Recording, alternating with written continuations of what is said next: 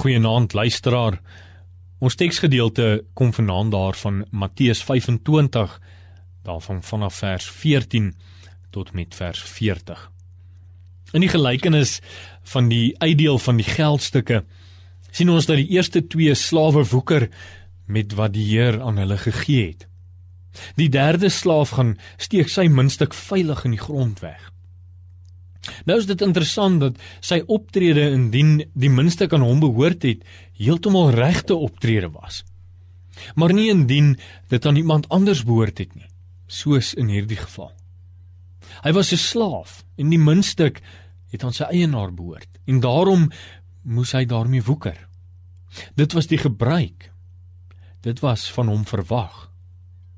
Net so sou jy indien jou krag, jou vermoëns en jou tyd aan jou behoort het, dit ook kon wegbere vir die dag wanneer ons dit sou nodig hê. Maar nou behoort dit nie aan ons nie.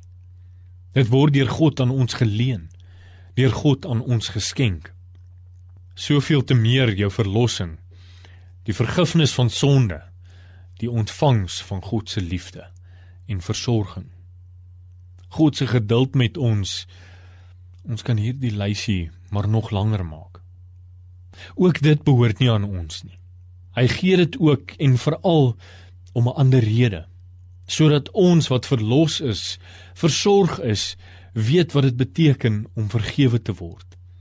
Weet wat dit beteken om liefde te ontvang. Weet wat dit beteken om met 'n genadige hand hanteer te word. Weet wat dit beteken om in liefde en met deernis beskou te word dit ook aan ander so te kan gee.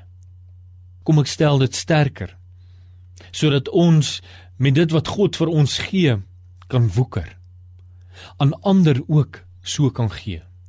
Dit is immers waaroor die volgende gelykenis in die van die skape en die bokke handel. En hier moet ons nie net letterlik verstaan wat Jesus sê nie.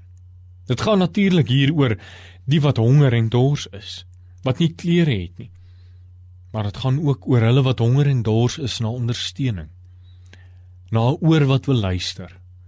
Honger en dors is na vergifnis. Hulle wat so soos vreemdelinge alleen in hierdie wêreld rondloop. Wat moeg en moedeloos geword het.